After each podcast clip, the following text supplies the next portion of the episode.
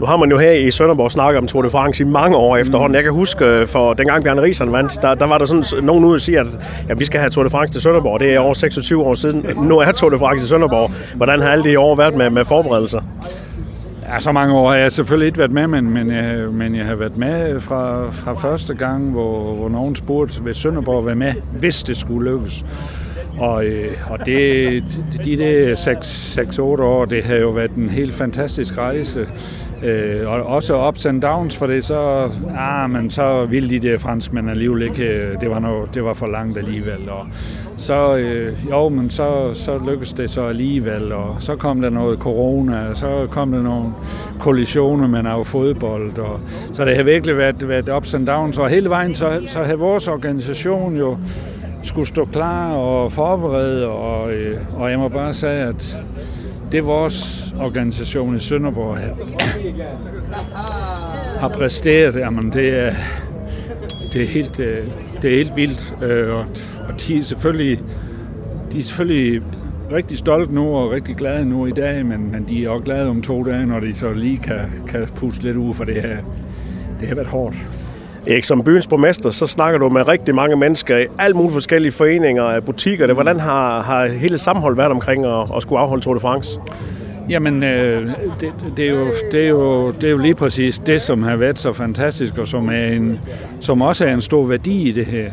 At så mange har engageret sig i det her, og så mange har øh, stillet sig til rådighed, de frivillige øh, mennesker, som har, har meldt sig til, ja, til dagen i dag, men jo også alle de foreninger, som du selv siger, og handelsstanden, som har virkelig steppet op og sagt, øh, nu er chancen der, den skal vi saftsus med unødt til øh, max, og det Jamen det er, det er jo det største i det her, for det, samtidig så har det selvfølgelig også været den her øh, diskussion, hvor mange penge er det her, og øh, og det er rigtig, rigtig mange penge at investere i, i sådan noget som det her.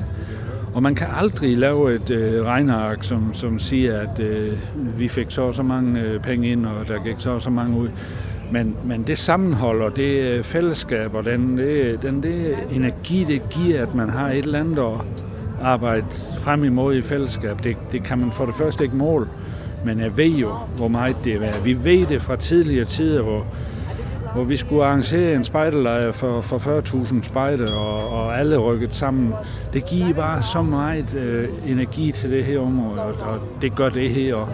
Og det gør det så lettere næste gang, så ved man, hvem man skal have fat i, når man skal lave det. Hvem er god til det, og hvem ja, har de rigtige kontakter? Lige præcis, det har du fuldstændig ret i. Og, og mange af de her aktører, de har lært hinanden at kende på en anden måde, så vi ved, at hvis vi skal have det, øh, til at fungere, så skal, vi, så skal vi samarbejde med den og den.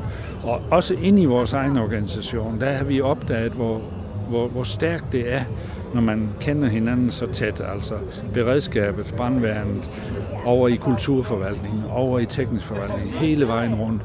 Øh, det, det giver en enorm værdi, og, og vi kan, når vi kan løfte det her, så, så kan vi næsten hele.